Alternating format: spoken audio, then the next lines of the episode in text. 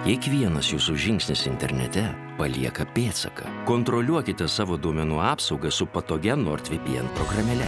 Pasiūlymo ieškokite nordvpn.lt. NordVPN - programėlė į saugesnį internetą. Labas, aš Irma ir šiandien tiek žinių. Galutinis sprendimas Jėvos Trasdauskaitės byloje rastas beveik gintaro kambarys, pavojingas laiškas Kaune ir smūgis mytų judėjimui. Lietuvos aukščiausiasis teismas paskelbė galutinį sprendimą Jėvos Trasdauskaitės nužudimo byloje. Du iš trijų nuteistųjų nesutiko su paskirtomis bausmėmis, todėl buvo pateikę kasacinius skundus, bet dabar istorijoje padėtas taškas. Pusbroliams Karoliui ir Mantui Bieliauskams paliktos žemesnės instancijos teismo numatytos bausmės. Karolis Bieliauskas kalės iki gyvos galvos, o Mantas Bieliauskas 19 metų. Visos veikos susijęs su turtinės naudos siekimo padaryta didžiulė žala e, nukentėjusiems visuomeniai. Ir e, šių aplinkybių kontekste kasacinės instancijos teismas atkreipė dėmesį, kad na, e, paskirtos bausmės atitinka teisingumo principą Ankstesnį sprendimą žudikai skundė dėl to, kad jis neva per griežtas. Atseit automobilį jie grobė dalyvaudami ne organizuotoje, o bendrininkų grupėje. Teismo tai neįtikino. Dėl nužudimo, dviejų plėšimų, turto sunaikinimo bei neteisėto laisvės atimimo nuteistas ir jų bendrininkas Leonas Bieliauskas. Jam skirta laisvės atimimo iki gyvos galvos bausmė. Leonas aukščiausiam teismui skundo nepateikė. Nužudytos merginos tėvams apeliacinis teismas buvo priteisęs po 40 tūkstančių eurų neturtinės žalos, seseriai 20 tūkstančių, o buvusiam sužadėtiniui 15 tūkstančių eurų. Niekas nesikeičia. Strasdauskaitė buvo nužudyta 2017-aisiais, kai iš tėvų namų plungėje išvyko į Vilnių ir dingo. Po kelių intensyvios paieškos dienų jos kūnas rastas Kėdainių rajone. Žudikai norėjo pavogti merginos automobilį Audi A7. Jie inscenizavo eismo įvykį, tyčia trenkėsi į jos mašiną, tada mergina pagrobė ir žiauriai nužudė. Kaip sakė baudžiamųjų bylų skyriaus pirmininkas Aurelijus Gutauskas. Žiaurus, ciniškas, nežmoniškas elgesys e, ignoruojant absoliučiai visas žmogiškasias vertybės, e, ciniškas požiūris apskritai į kito žmogaus gyvybę. Tai svarbus teismo sprendimas ne tik todėl, kad už tokį brutalų nusikaltimą nusikaltėlį gavo, ko nusipelnė, bet ir todėl, kad tai yra prevencinė priemonė, kad tokie įvykiai nepasikartotų.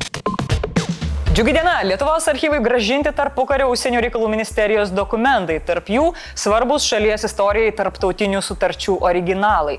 Tai Lietuvos sutartys su Latvija nuo 1922 iki 1925.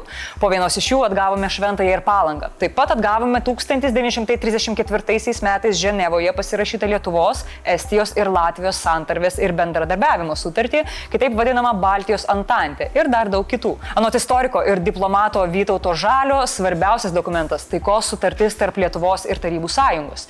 Joje Sovietų Rusija amžiams atsisakė bet kokių teisių į Lietuvą. Anot istoriko, jei būtų rastas tik šis vienas dokumentas, Lietuvoje būtų galima skelbti nedarbo dieną. Kiti radinių besidžiaugiantis irgi šėlo. Kaip kaip atrastumėm kokį tai didžiulį lobį, gintaro kambarį ir dar kažką Lietuvos teritorijoje.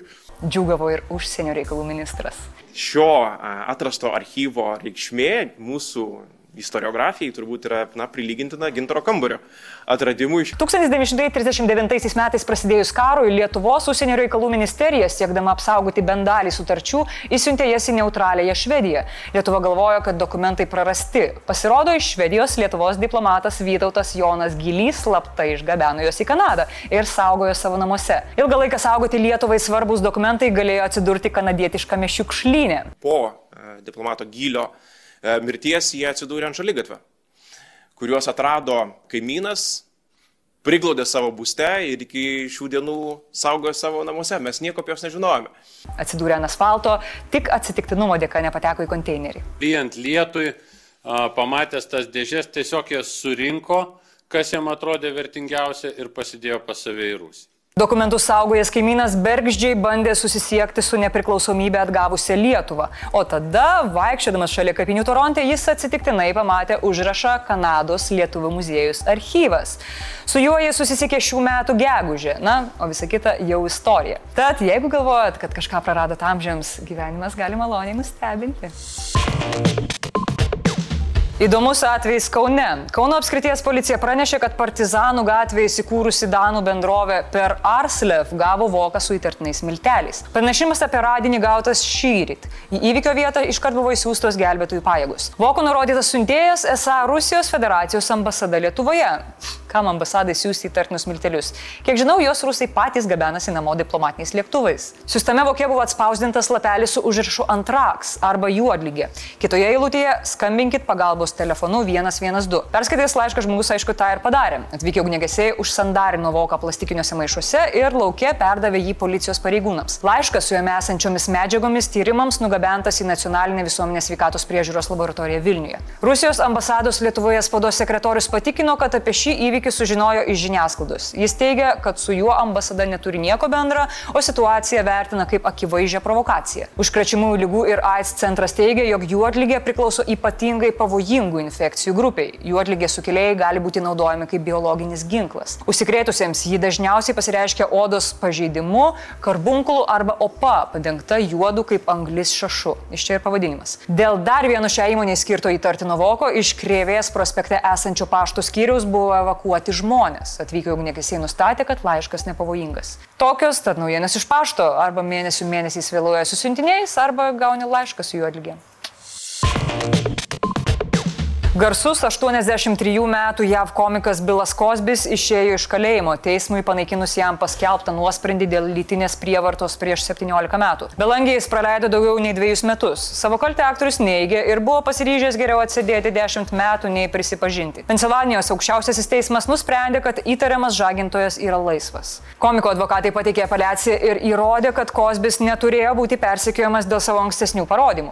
Jos duodamas jis mane, kad bus apsaugotas nuo baudžiamojo baudžiamojo persekiojimo. Tuo jį įtikino prokuroras Briusas Kastoras. Kosbis prisipažino duodavęs moterims dabar jau uždrausto vakarėlių narkotiko Quillwood ir jomis pasinaudodavo. Teisėjai sprendime pažymėjo, kad kitų moterų liūdėjimai apie Kosbį nebuvo susijęs su šia byla ir galėjo suklaidinti prisiekusiosius. Štai jums ir teisingumas. Iš esmės, aktorius į laisvę išeina ne dėl to, kad neprievartavo, o dėl procedūrinės klaidos. Paleistas į laisvę Kosbis dėkoja aukščiausiam teismui ir džiaugiasi, kad teismas pamatė šviesą ir tiesą. Andrėja Constant teismo sprendimas buvo tarsi smūgis.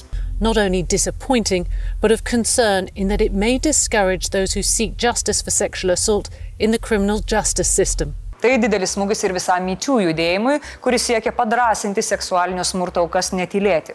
Įvykis prieš 17 metų nebuvo vienintelis. Daugiau kaip 60 moterų pareiškė tapusios Kosbio lytinės prievartos aukomis. Bet baudžiamoji byla buvo iškelta tik dėl konstant išpolimo. Dėl kitų atvejų jau buvo suėjęs neties terminas. Komikas ir aktorius Bilas Kosbis anksčiau buvo mylimas ir gerbiamas visoje Amerikoje, net vadintas Amerikos tėčiu. Praėjusio amžiaus 70-ame dešimtmetyje jis pralaužė rasinius barjerus, tapęs pirmuoju juodaodžiu laimėjusiu prestižinį Emmy apdovanojimą. Šiuo metu tebe vyksta tuzinas civilinių bylų, kuriuose moteris kaltina Kosbį Kosby jas svaiginus ir prievartavus. Blitz naujienos. Seimo nariui Mindaugui Puidokui iki teisminėme tyrime dėl galimo papirkimo ir prekybos poveikius suteiktas specialiojo liudytojo statusas. Toks statusas suteikiamas, kai asmuo apklausimas dėl savo galimai nusikalstamos veikos, bet duomenų įtarimams nepakanka. Vyriausioji rinkimų komisija vienbalsiai nutraukė dėl korupcijos nuteisto Kelmės rajono mero Vatslovo Andriulio įgaliojimus. Nauji mero rinkimai paskelbti spalio 10 dieną. Įgaliojimai nutraukti įsiteisėjus Andriuliui nepalankiam teismo sprendimui. Svetbank atblokavo druskininkose esančios sanatorijos Belorus sąskaitas. Po daugiau nei pusmečio ji galės atkurti veiklą. Pasak druskininkų mero Richardo Malinausko, Belorus darbuotojai jau iškviesti į darbą. Sąskaitos buvo užblokuotos dėl ES sankcijų. Europos transliuotojų sąjunga nuo Liepos 1-osios sustabdė Baltarusijos valstybinio transliuotojo BTRK narystę organizacijoje. Baltarusių transliuotojas nebegalės naudotis EBU teikiamomis paslaugomis. Tai reiškia, kad negalės dalyvauti ir Eurovizijos konkurse. Mėlyai prisiminkit, kad nuo karščio saugoti reikia ne tik tai save.